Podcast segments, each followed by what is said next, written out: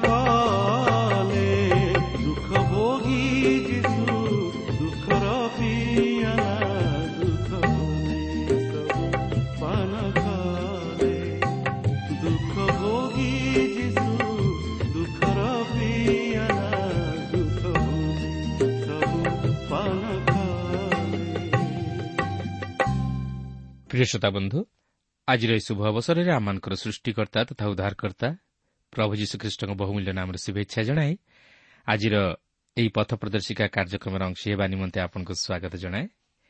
ଆପଣଙ୍କର ସହଯୋଗ ନିମନ୍ତେ ବିଶେଷ ଧନ୍ୟବାଦ। ଆପଣଙ୍କର ପତ୍ର ଆମର ହସ୍ତଗତ ହୋଇଅଛି। ଆପଣଙ୍କର ପ୍ରାର୍ଥନାର ଅନୁରୋଧ ରକ୍ଷା କରି ଆମେ ଆପଣଙ୍କ ନିମନ୍ତେ ପ୍ରାର୍ଥନା କରୁଅଛୁ। ଆଉ ସେହି ପ୍ରଭୁ ଯୀଶୁ ନିଶ୍ଚିତ ଭାବରେ ଆପଣଙ୍କର ପ୍ରାର୍ଥନା ଶୁଣି ଉତ୍ତର ପ୍ରଦାନ କରିବେ। କାରଣ ଯେଉଁମାନେ ତାହାଙ୍କର ନିକଟବର୍ତ୍ତୀ ହୁଅନ୍ତି ସେ ସେମାନଙ୍କୁ କେବେ ହେଲେ ପରିତ୍ୟାଗ କରନ୍ତି ନାହିଁ। ତାର ଆସନ୍ତୁ ଆଜି ମଧ୍ୟ ଏହି ସୁଯୋଗରେ ଆମେ ପ୍ରଭୁଙ୍କର ବାକ୍ୟ ମଧ୍ୟରେ ଯିବା ପୂର୍ବରୁ ପ୍ରାର୍ଥନାର ସହିତ ପ୍ରଭୁଙ୍କ ବାକ୍ୟର ନିକଟବର୍ତ୍ତୀ ହେବା। ଆସନ୍ତୁ ପ୍ରାର୍ଥନା କରିବା। ପ୍ରିୟ ପବିତ୍ର ପ୍ରଭୁ ତୁମର ପବିତ୍ର ନାମର ଧନ୍ୟବାଦ କରୁଅଛି ସୁନ୍ଦର ସମୟ ପାଇଁ ତୁମର ଜୀବନ୍ତ ବାକ୍ୟ ପାଇଁ ତୁମର ଆଶୀର୍ବାଦ ପାଇଁ ତୁମର ଅନୁଗ୍ରହ ପାଇଁ। ହଁ ପ୍ରଭୁ ତୁମେ ଆମମାନଙ୍କୁ ଏହି ଜଗତ ମଧ୍ୟରେ ବଞ୍ଚାଇ ରଖିଛ। ଏବଂ ତୁମର ବାକ୍ୟ ଶୁଣିବାର ସୁଯୋଗ ଦେଉଅଛ। ପ୍ରଭୁ ଯେପରି ଆମମାନେ ସୁଯୋଗର ସଦ୍ବ୍ୟବହାର କରି ସେହି ବାକ୍ୟ ଅନୁଯାୟୀ ଯେପରି ତୁମର ନିକଟବର୍ତ୍ତୀ ହେବୁ ନିଜର ଜୀବନକୁ ସମୀକ୍ଷା କରିବୁ ପାପରୁ ଯେପରି ଆମମାନେ ପୃଥକୀକୃତ ଜୀବନଯାପନ କରିବାକୁ ପାରିବୁ ଏବଂ ତୁମର ଆଶୀର୍ବାଦର ଅଧିକାରୀ ହେବାକୁ ପାରିବୁ ଏହି ଅନୁଗ୍ରହ ତୁମେ ଦାନ କର। ପ୍ରତ୍ୟେକ ଶ୍ରୋତାବନ୍ଧୁମାନଙ୍କୁ ତୁମେ ଆଶୀର୍ବାଦ କର। ପ୍ରତ୍ୟେକଙ୍କର ମନୋବାଞ୍ଛା ପ୍ରଭୁ ତୁମେ ପୂର୍ଣ୍ଣ କର। ପ୍ରତ୍ୟେକଙ୍କୁ ଆତ୍ମିକ ଜୀବନରେ ବର୍ଦ୍ଧିଷ୍ଣୁ କରାଅ। ଏହି ସମସ୍ତ ପ୍ରାର୍ଥନା ମାନଙ୍କର ଉଦ୍ଧାରକର୍ତ୍ତା ଜୀବିତ ପୁନରୁଦ୍ଧିତ ପ୍ରିୟ ପ୍ରଭୁ ଯୀଶୁଙ୍କ ନାମରେ ଏହି ଅଳ୍ପ ଭିକ୍ଷା ମାଗୁଅଛୁ।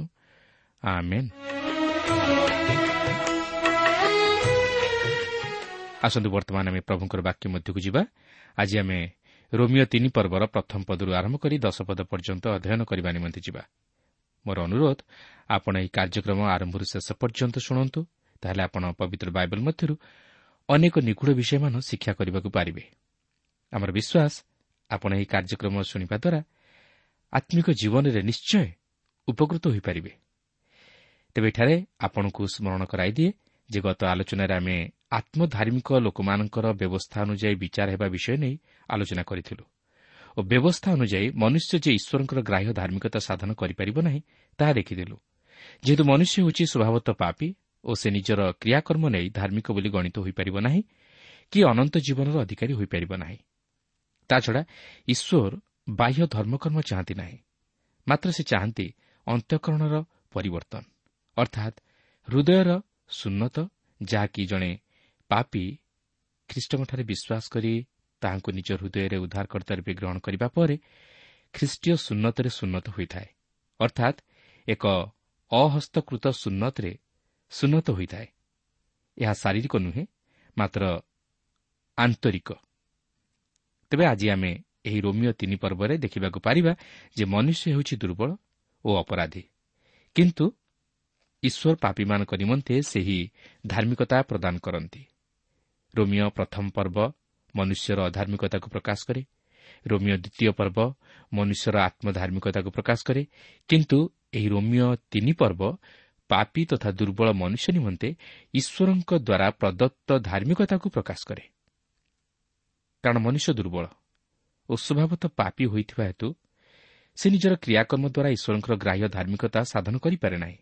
ତେଣୁ ଈଶ୍ୱର ତାହା ଜାଣି ମନୁଷ୍ୟ ନିମନ୍ତେ ଏକ ଉଦ୍ଧାରର ଯୋଜନା ପ୍ରସ୍ତୁତ କଲେ ଯେପରି ମନୁଷ୍ୟ ଖ୍ରୀଷ୍ଟଙ୍କଠାରେ ବିଶ୍ୱାସ କରି ତାହାଙ୍କୁ ହୃଦୟରେ ଗ୍ରହଣ କରିବା ଦ୍ୱାରା ତାହାଙ୍କ ଧାର୍ମିକତା ଦ୍ୱାରା ଈଶ୍ୱରଙ୍କ ନିକଟରେ ଧାର୍ମିକ ବୋଲି ଗଣିତ ହୁଏ। କାରଣ ପ୍ରଭୁ ଯୀଶୁ ଖ୍ରୀଷ୍ଟ ଏକମାତ୍ର ବ୍ୟକ୍ତି ଯିଏକି ବ୍ୟବସ୍ଥା ଅନୁଯାୟୀ ସମସ୍ତ ଧର୍ମକର୍ମ ସାଧନ କରି ବ୍ୟବସ୍ଥାକୁ ସଫଳ କଲେ। ତେବେ ଦେଖନ୍ତୁ ତିନି ପର୍ବର ପ୍ରଥମ ପଦରେ ଏହିପରି ଲେଖା ଅଛି ତେବେ ଜିହୁଦୀ ଲୋକର ବିଶେଷ କ'ଣ? ସୁନ୍ନତର ବା ଉପକାର କ'ଣ? ସବୁ ପ୍ରକାରେ ବହୁତ।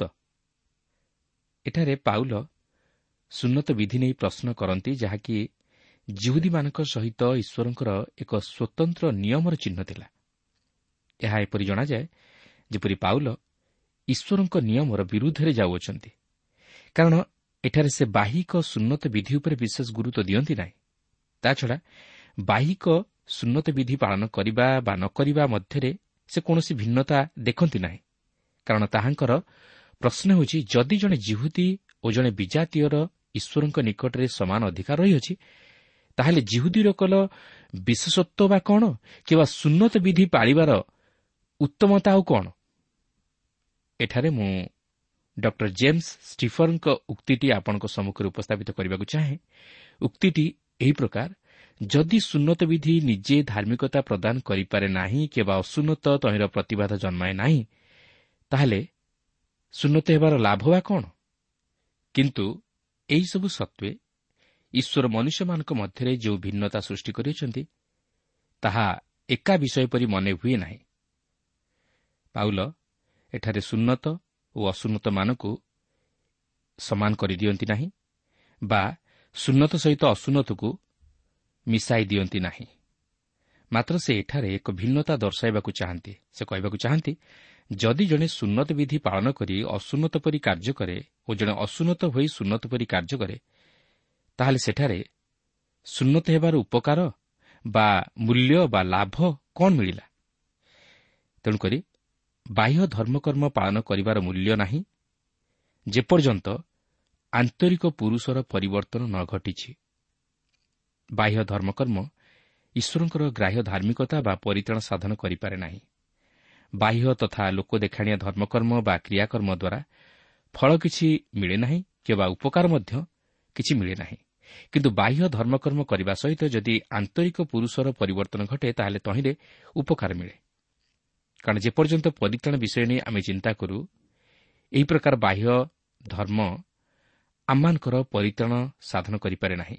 ସେଥିପାଇଁ ପାଉଲ ରୋମିଓ ଦୁଇ ପର୍ବର ଅଠେଇଶ ଓ ଅଣତିରିଶ ପଦରେ ଏହିପରି ପ୍ରକାଶ କରନ୍ତି କାରଣ ବାହାରେ ଯେ ଜିହୁଦୀ ସେ ଜିହୁଦୀ ନୁହେଁ କିମ୍ବା ବାହାର ଶରୀରରେ ଯେ ସୁନ୍ନତ ତାହା ସୁନ୍ନତ ନୁହେଁ। କିନ୍ତୁ ଅନ୍ତରରେ ଯେ ଜିହୁଦୀ ସେ ଜିହୁଦୀ ପୁଣି ଆକ୍ଷରିକ ଭାବରେ ନୁହେଁ ମାତ୍ର ଆତ୍ମିକ ଭାବରେ ହୃଦୟର ଯେ ସୁନ୍ନତ ତାହା ପ୍ରକୃତ ସୁନ୍ନତ।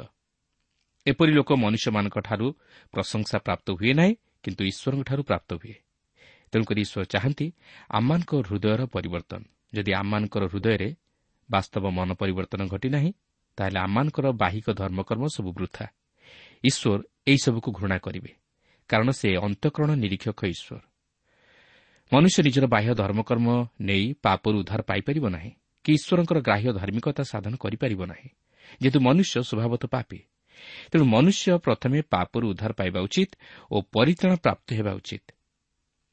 କିନ୍ତୁ ଏହି ପରିତ୍ରାଣ ପ୍ରାପ୍ତ ହେବାକୁ ହେଲେ ତାହାକୁ କୌଣସି ବିଷୟ ଦେବାକୁ ପଡ଼େ ନାହିଁ ବା ଧର୍ମକର୍ମ ସାଧନ କରିବାକୁ ପଡ଼େ ନାହିଁ ଯେହେତୁ ଈଶ୍ୱର ପ୍ରଭୁ ଯୀଶୁଖ୍ରୀଷ୍ଟଙ୍କ ଦ୍ୱାରା ତାହା ସମଗ୍ର ମାନବ ଜାତି ପ୍ରତି ପ୍ରଦାନ କରିଅଛନ୍ତି।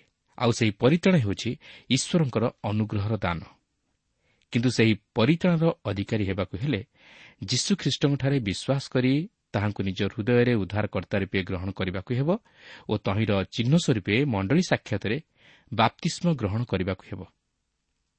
କାରଣ ବାପ୍ତିଷ୍ମ ହେଉଛି ଜଣେ ଖ୍ରୀଷ୍ଟ ବିଶ୍ୱାସୀ ପକ୍ଷରେ ଏକ ଚିହ୍ନ ଯାହାକି ତାହାର ଅନ୍ତଃକରଣ ପରିବର୍ତ୍ତନର ଏକ ବାହ୍ୟ ପରିପ୍ରକାଶ।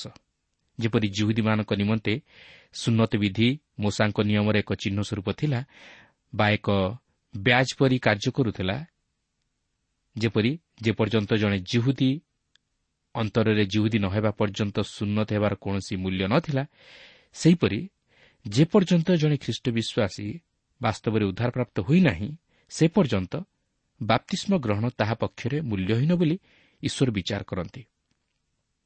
ତେଣୁ ସୁନ୍ନତ ବା ଅସୁନ୍ନତ କିଛି ନୁହେଁ ମାତ୍ର ନୂତନ ସୃଷ୍ଟି ହିଁ ସାର। ଅର୍ଥାତ୍ ଆମମାନଙ୍କର ହୃଦୟର ସୁନ୍ନତ ହିଁ ସାର। ଯଦି ଆମମାନଙ୍କ ଜୀବନରେ ନୂତନ ପରିବର୍ତ୍ତନ ଘଟିଥାଏ ଓ ଆମମାନେ ବାସ୍ତବରେ ଉଦ୍ଧାର ପାଇଥାଉ ତାହେଲେ ବାପ୍ତିଷ୍ମ ଗ୍ରହଣ କରିବା ବା ମଣ୍ଡଳୀର ସଭ୍ୟ ରୂପେ ବିବେଚିତ ହେବା ଆମମାନଙ୍କ ପକ୍ଷରେ ସାର୍ଥକ ହେବ। ପାଉଲ ଯେତେବେଳେ ଏଠାରେ ସେହି ସୁନ୍ନତ ବିଷୟ ନେଇ ପ୍ରଶ୍ନ କରନ୍ତି ସେତେବେଳେ ସେ ସୁନ୍ନତ ଓ ଅସୁନ୍ନତକୁ ସମାନ କରିଦିଅନ୍ତି ନାହିଁ। ମାତ୍ର ସେ ଏକ ଭିନ୍ନତା ଦର୍ଶାଇବାକୁ ଚାହାନ୍ତି। ଆଉ ତାହା ହେଉଛି ପ୍ରକୃତ ଜିହୁଦୀ ଓ ନାମଧାରୀ ଜିହୁଦୀ। ବାହିକ ସୁନ୍ନତ ଓ ଆତ୍ମିକ ଭାବେ ହୃଦୟର ସୁନ୍ନତା ମଧ୍ୟରେ ପାର୍ଥକ୍ୟତା। କାରଣ ପରିତ୍ରାଣ କ୍ରିୟାକର୍ମରୁ ନୁହେଁ ମାତ୍ର ଖ୍ରୀଷ୍ଟଙ୍କଠାରେ ବିଶ୍ୱାସ କରିବା ଦ୍ୱାରା ଯେହେତୁ ପରିତ୍ରାଣ ଈଶ୍ୱରଙ୍କର ଅନୁଗ୍ରହର ଦାନ। ରୋମିଓ ତିନି ପର୍ବର ଦୁଇ ପଦରେ ଏହିପରି ଲେଖା ଅଛି ସର୍ବପ୍ରଥମ ଈଶ୍ୱରଙ୍କ ବାକ୍ୟ ସେମାନଙ୍କଠାରେ ସମର୍ପିତ ହୋଇଥିଲା। ପାଉଲ ଏଠାରେ କହିବାକୁ ଚାହାନ୍ତି ଯେ ଜିହୁଦୀମାନଙ୍କର ଏକ ସୁଯୋଗ ଥିଲା। ସେମାନେ ପ୍ରଥମେ ଈଶ୍ୱରଙ୍କ ମୁଖ ନିଃସୃତ ବାକ୍ୟ ପ୍ରାପ୍ତ ହୋଇଥିଲେ ଓ ସେହି ବାକ୍ୟ ମଧ୍ୟରେ ସେମାନଙ୍କ ନିମନ୍ତେ ଈଶ୍ୱରଙ୍କର ପ୍ରତିଜ୍ଞାଯୁକ୍ତ ବାକ୍ୟ ଥିଲା। ସେମାନଙ୍କ ନିମନ୍ତେ ଏକ ମହାନ ଭରସାଜନକ ବାକ୍ୟ ଥିଲା ଯାହାକି ସେମାନଙ୍କର ଉଜ୍ଜଳ ଭବିଷ୍ୟତକୁ ପ୍ରକାଶ କରୁଥିଲା। ମାତ୍ର ସେହି ପ୍ରତିଜ୍ଞାର ସଫଳତା ସେମାନଙ୍କର ବିଶ୍ୱସ୍ତତା ଉପରେ ନିର୍ଭର କରୁଥିଲା। କିନ୍ତୁ ଦେଖନ୍ତୁ ଏହାପରେ ପ୍ରେରିତ ପାଉଲ ଆହୁରି କ'ଣ କହନ୍ତି। ତିନି ପର୍ବର ତିନି ପଦରେ ଏହିପରି ଲେଖା ଅଛି ତେବେ କ'ଣ? ଯଦି କେହି କେହି ଅବିଶ୍ୱସ୍ତ ହେଲେ ସେମାନଙ୍କର ଅବିଶ୍ୱସ୍ତତା କ'ଣ ଈଶ୍ୱରଙ୍କ ବିଶ୍ୱସ୍ତତାକୁ ନିଷ୍ଫଳ କରିବ? ଅନ୍ୟ ଅର୍ଥରେ କହିବାକୁ ଗଲେ ପାଉଲ ପ୍ରଶ୍ନ କରନ୍ତି ସେହି ଜୁହୁଦୀମାନଙ୍କର ଅବିଶ୍ୱସ୍ତତା କ'ଣ ଈଶ୍ୱରଙ୍କ ବିଶ୍ୱସ୍ତତାକୁ କ୍ଷୁର୍ଣ୍ଣ କରିବ? କେବେ ନୁହେଁ। ଜିହୁଦୀ ଜାତି ଯଦିଓ ସେହି ବିଶ୍ୱସ୍ତତା ରକ୍ଷା କରିବାରେ ବିଫଳ ହେଲେ ଏହାର ଅର୍ଥ ନୁହେଁ ଯେ ଈଶ୍ୱର ତାହାଙ୍କର ପ୍ରତିଜ୍ଞା ରକ୍ଷା କରିବାରେ ବିଫଳ ହେଲେ। କାରଣ ସେ ହେଉଛନ୍ତି ପ୍ରତିଜ୍ଞାରେ ବିଶ୍ୱସ୍ତ ପରମେଶ୍ୱର। ଈଶ୍ୱର ଇସ୍ରାଏଲ୍ ନିମନ୍ତେ ଯେଉଁ ଉଦ୍ଧାରକର୍ତ୍ତାଙ୍କୁ ପଠାଇବା ନିମନ୍ତେ ପ୍ରତିଜ୍ଞା କରିଥିଲେ ତାହା ସେମାନଙ୍କର ଅବାଧ୍ୟତା ଓ ଅସ୍ୱୀକାରତା ବିଫଳ କରିପାରି ନ ଥିଲା କି ତହିଁରେ ପ୍ରତିବନ୍ଧକ ସୃଷ୍ଟି କରିପାରି ନ ଥିଲା ସେମାନଙ୍କର ସମସ୍ତ ପ୍ରକାର ଅବିଶ୍ୱାସ ତଥା ଅବିଶ୍ୱସ୍ତତା ସତ୍ତ୍ୱେ ମଧ୍ୟ ଈଶ୍ୱର ସେମାନଙ୍କ ପ୍ରତି କରିଥିବା ପ୍ରତିଜ୍ଞା ତାଙ୍କର ଗୌରବ ନିମନ୍ତେ ସଫଳ ହେବାକୁ ଯାଉଅଛି। ହଁ ଆପଣ ଏହି ବିଷୟ ନେଇ ଟିକେ ଦ୍ୱନ୍ଦ୍ୱରେ ପଡ଼ିଯାଇଥିବେ ଯେ ଏହା କିପରି ସମ୍ଭବ ହେବ। ହଁ ଏହା ଆମମାନଙ୍କ ଦୃଷ୍ଟିରେ ବା ବିଚାରଧାରା ଅନୁଯାୟୀ ଅସମ୍ଭବ ପରି ମନେ ହୁଏ। ମାତ୍ର ଈଶ୍ୱରଙ୍କ ଦୃଷ୍ଟିରେ ସମସ୍ତ ହିଁ ସମ୍ଭବ। ଯଦି ତାହା ନ ହୋଇଥାନ୍ତା ତାହେଲେ ଆଜି ଆପଣ ଓ ମୁଁ ଆମେ ବିନଷ୍ଟ ହୋଇସାରନ୍ତୁଣି। ଯଦି ଈଶ୍ୱରଙ୍କର ପ୍ରତିଜ୍ଞାର ସଫଳତା ଆମମାନଙ୍କର ବିଶ୍ୱସ୍ତତା ଉପରେ ନିର୍ଭର କରୁଥାନ୍ତା ତାହେଲେ ଆମେ ସେହି ପ୍ରତିଜ୍ଞାର ଅଧିକାରୀ ହେବା ନିମନ୍ତେ ଯୋଗ୍ୟ ବିବେଚିତ ହୋଇପାରିନଥାନ୍ତୁ ବରଂ ଈଶ୍ୱରଙ୍କ ଦ୍ୱାରା ବିଚାରିତ ହୋଇ ବିନଷ୍ଟ ହୋଇଥାନ୍ତୁ। କିନ୍ତୁ ଈଶ୍ୱରଙ୍କର ବିଶ୍ୱସ୍ତତା ଆମମାନଙ୍କର ତାହାଙ୍କ ପ୍ରତି ବିଶ୍ୱସ୍ତତା ଉପରେ ନିର୍ଭର କରେ ନାହିଁ। ଯେହେତୁ ଆମ୍ଭେମାନେ ପାପି ତଥା ଅବିଶ୍ୱସ୍ତ ମନୁଷ୍ୟ ତାହା ଆମମାନଙ୍କର ବିଶ୍ୱସ୍ତତା ଉପରେ ନିର୍ଭର କରେ ନାହିଁ ମାତ୍ର ଈଶ୍ୱରଙ୍କର ବିଶ୍ୱସ୍ତତା ଉପରେ ନିର୍ଭର କରେ। କିନ୍ତୁ ଏହାର ଅର୍ଥ ନୁହେଁ ଆମମାନେ ଅବିଶ୍ୱସ୍ତ ହେବା କିନ୍ତୁ ସେ ଆମମାନଙ୍କର ଅବିଶ୍ୱସ୍ତତା ତଥା ଅବିଶ୍ୱାସ ସତ୍ତ୍ୱେ ଆମମାନଙ୍କ ପ୍ରତି ବିଶ୍ୱସ୍ତ ଯେପରି ଆମେ ତାହାଙ୍କର ସେହି ବିଶ୍ୱସ୍ତତା ଓ ପ୍ରତିଜ୍ଞାଯୁକ୍ତ ବାକ୍ୟର ସଫଳତାକୁ ଦେଖି ତାହାଙ୍କ ପ୍ରତି ବିଶ୍ୱାସ ସ୍ଥାପନ କରି ବିଶ୍ୱସ୍ତ ରହୁ ଆଉ ତାହା ହିଁ ସେ କେବଳ ଜିହୁଦୀମାନଙ୍କଠାରୁ ନୁହେଁ ମାତ୍ର ଆଜି ଆମ ପ୍ରତ୍ୟେକଙ୍କ ଜୀବନରୁ ଆଶା କରନ୍ତି କାରଣ ଜୋହନ ତିନି ପର୍ବର ଷୋହଳ ପଦରେ ଈଶ୍ୱର ଅନନ୍ତ ଜୀବନର ଅଧିକାରୀ କରାଇବା ନିମନ୍ତେ ଯେଉଁ ପ୍ରତିଜ୍ଞାଯୁକ୍ତ ବାକ୍ୟ ପ୍ରଦାନ କରିଅଛନ୍ତି ତାହା ସେ ପ୍ରତ୍ୟେକ ଖ୍ରୀଷ୍ଟ ବିଶ୍ୱାସୀମାନଙ୍କ ପ୍ରତି ସଫଳ କରିବାକୁ ଯାଉଅଛନ୍ତି। ସେହିପରି ପୁରାତନ ନିୟମରେ ଆଦି ପୁସ୍ତକ ବାର ପର୍ବରେ ଈଶ୍ୱର ଓବ୍ରାହମ୍ଙ୍କ ପ୍ରତି ଓ ତାହାଙ୍କ ବଂଶ ପ୍ରତି କରିଥିବା ଅନନ୍ତକାଳୀନ ନିୟମ ମଧ୍ୟ ସଫଳ କରିବା ପାଇଁ ଯାଉଅଛନ୍ତି। ତେବେ ଦେଖନ୍ତୁ ପାଉଲ ଏହି ପ୍ରଶ୍ନର ଉତ୍ତର ଦେବାକୁ ଯାଇ କ'ଣ କହନ୍ତି? ତିନି ପର୍ବର ଚାରିପଦରେ ଲେଖା ଅଛି ତାହା କେବେ ନ ହେଉ ବରଂ ପ୍ରତ୍ୟେକ ମନୁଷ୍ୟ ମିଥ୍ୟାବାଦୀ ହେଲେ ହେଉ କିନ୍ତୁ ଈଶ୍ୱର ସତ୍ୟ ବୋଲି ସ୍ୱୀକାର କରାଯାଉ। ଯେପରି ଲେଖା ଅଛି ତୁମ୍ଭେ ଆପଣା ବାକ୍ୟରେ ଧାର୍ମିକ ବୋଲି ଜଣାଯିବ ପୁଣି ବିଚାରିତ ହେବା ସମୟରେ ବିଜୟୀ ହେବ। ଅନ୍ୟ ଅର୍ଥରେ କହିବାକୁ ଗଲେ ଯେଉଁମାନେ କହନ୍ତି ମନୁଷ୍ୟର ଅବିଶ୍ୱସ୍ତତା ଈଶ୍ୱରଙ୍କର ବିଶ୍ୱସ୍ତତାକୁ ନିଷ୍ଫଳ କରେ ବୋଲି ସେମାନେ ପ୍ରକୃତିରେ ମିଥ୍ୟାବାଦୀ।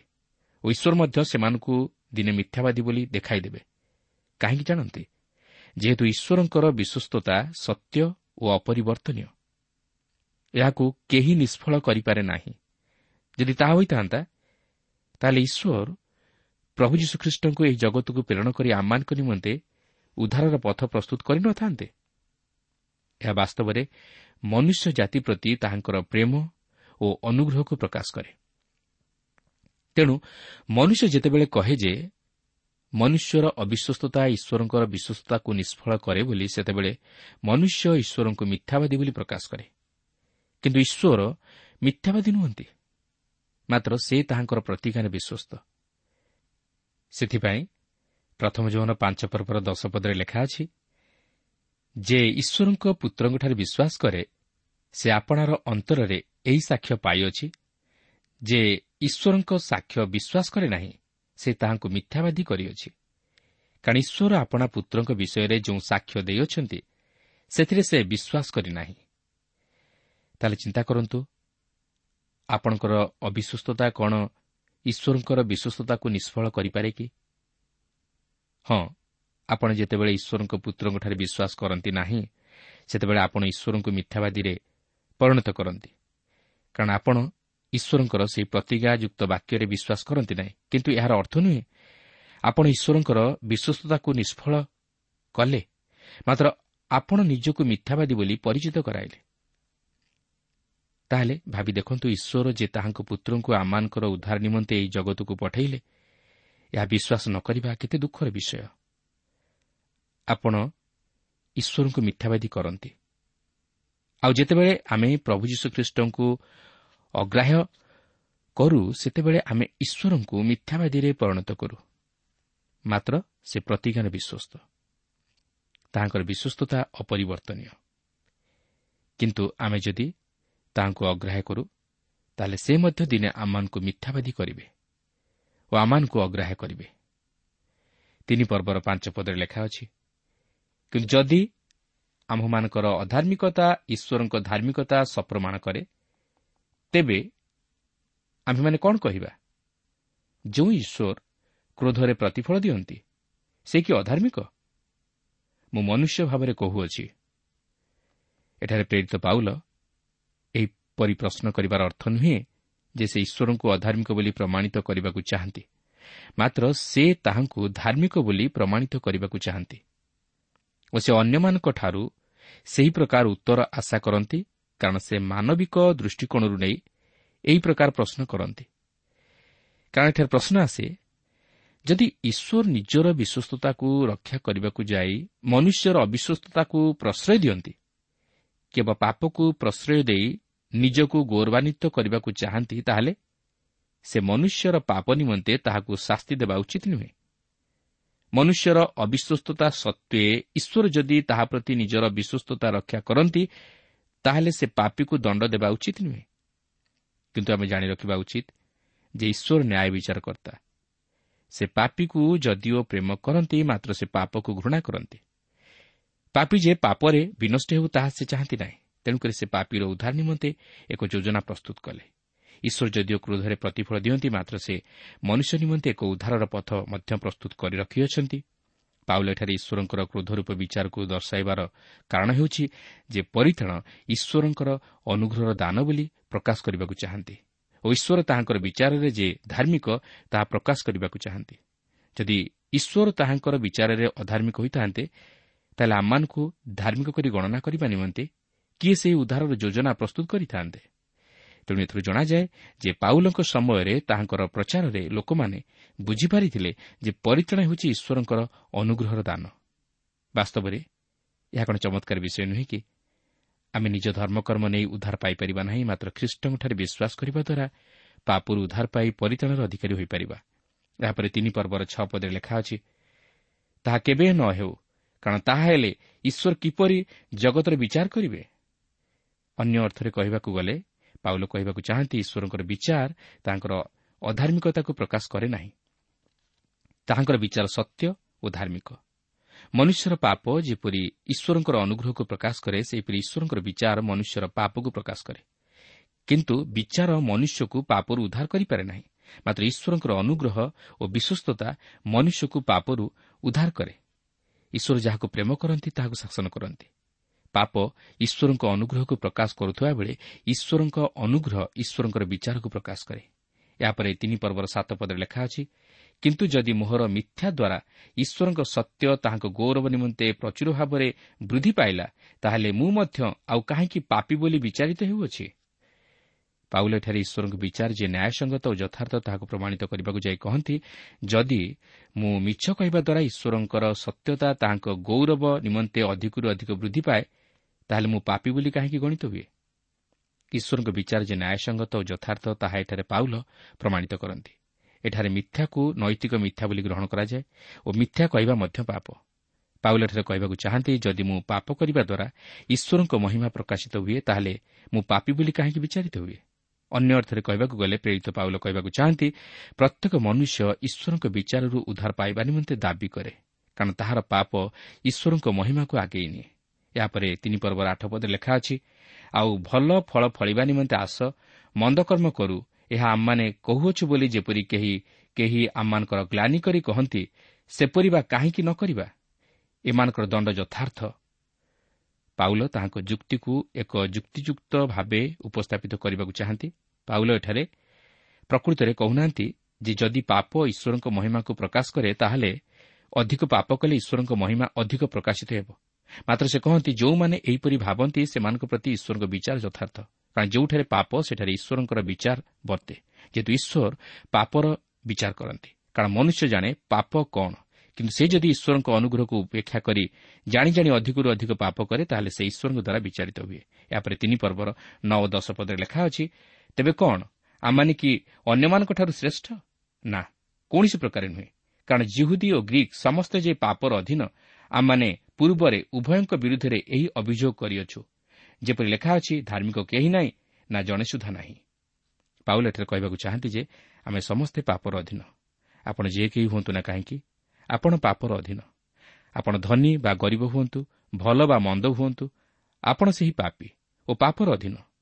ପାପର ଅଧୀନ ଅର୍ଥ ଆପଣ ପାପ କଲାରୁ ଯେ ପାପି ହେଲେ ତାହା ନୁହେଁ ମାତ୍ର ଆପଣ ପାପି ଥିବାରୁ ପାପ କରନ୍ତି। ଏହା ଆମମାନଙ୍କର ସ୍ୱଭାବଗତ ଓ କାର୍ଯ୍ୟଗତ ପାପକୁ ପ୍ରକାଶ କରେ। ତେବେ ପାଉଲ ଏଠାରେ ଏପରି ପ୍ରକାଶ କରିବା ଦ୍ୱାରା ସେ ମନୁଷ୍ୟକୁ ପାପି ସ୍ୱରୂପେ ପ୍ରମାଣିତ କରିବା ନିମନ୍ତେ ଚେଷ୍ଟା କରନ୍ତି ନାହିଁ ମାତ୍ର ସେ କହିବାକୁ ଚାହାନ୍ତି ଈଶ୍ୱର ପାପର ବିଚାର କରନ୍ତି। ଆମେ ପ୍ରତ୍ୟେକ ଜାଣୁ ଯେ ଆମମାନେ ପାପି ଓ ଆମମାନେ ଈଶ୍ୱରଙ୍କ ଦ୍ୱାରା ବିଚାରିତ ହେବା। ତେଣୁ ଆମମାନେ ପ୍ରତ୍ୟେକ ସେହି ପାପରୁ ଉଦ୍ଧାର ପାଇବାକୁ ଚାହୁଁ ଯାହାକି ଆମମାନଙ୍କୁ ଈଶ୍ୱରଙ୍କର ସେହି ପରିତାଣର ପଥକୁ କଢ଼ାଇ ଆଣିଥାଏ ଓ ଆମେ ଈଶ୍ୱରଙ୍କ ଅନୁଗ୍ରହର ଅଧିକାରୀ ହୋଇଥାଉ ଓ ଈଶ୍ୱରଙ୍କର ଗୌରବ ଆମମାନଙ୍କ ଜୀବନ ଦ୍ୱାରା ପ୍ରକାଶିତ ହୋଇଥାଏ। ପ୍ରଭା ପ୍ରତ୍ୟେକଙ୍କୁ ଏହି ସଂକ୍ଷିପ୍ତ ଆଲୋଚନା ମଧ୍ୟ ଦେଇ ଆଶୀର୍ବାଦ କରନ୍ତୁ।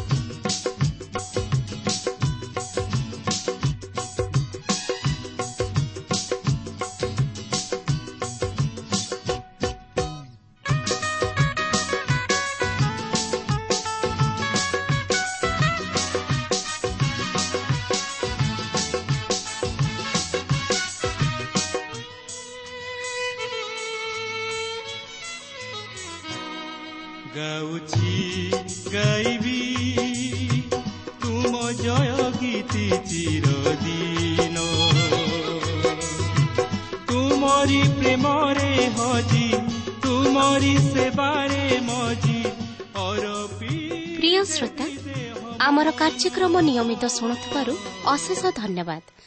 ଆପଣ ଏହି କାର୍ଯ୍ୟକ୍ରମ ଶୁଣିବା ଦ୍ୱାରା ଆତ୍ମିକ ଜୀବନରେ ଉପକୃତ ହୋଇପାରିଥିବେ ବୋଲି ଆମର ବିଶ୍ୱାସ। ପ୍ରଭୁ ଯୀଶୁଙ୍କ ବିଷୟରେ ଅଧିକ ଜାଣିବାର ଆଗ୍ରହ ଥିଲେ ଅଥବା ଉପାଦେୟ ପୁସ୍ତକର ଆବଶ୍ୟକ ଥିଲେ ଆମ ସହ ଯୋଗାଯୋଗ କରନ୍ତୁ। ଆମର ଠିକଣା ପଥ ପ୍ରଦର୍ଶିକା Trans World Radio India post box number ତିନି ତିନି ଭୁବନେଶ୍ୱର ସାତ ପାଞ୍ଚ ଏକ ଶୂନ ଶୂନ ଏକ।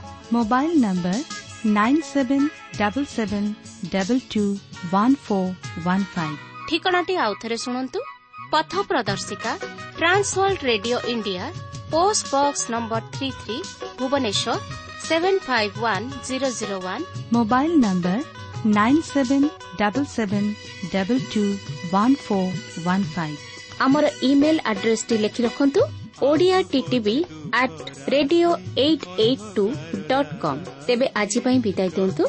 ନମସ୍କାର। ଆସନୀତି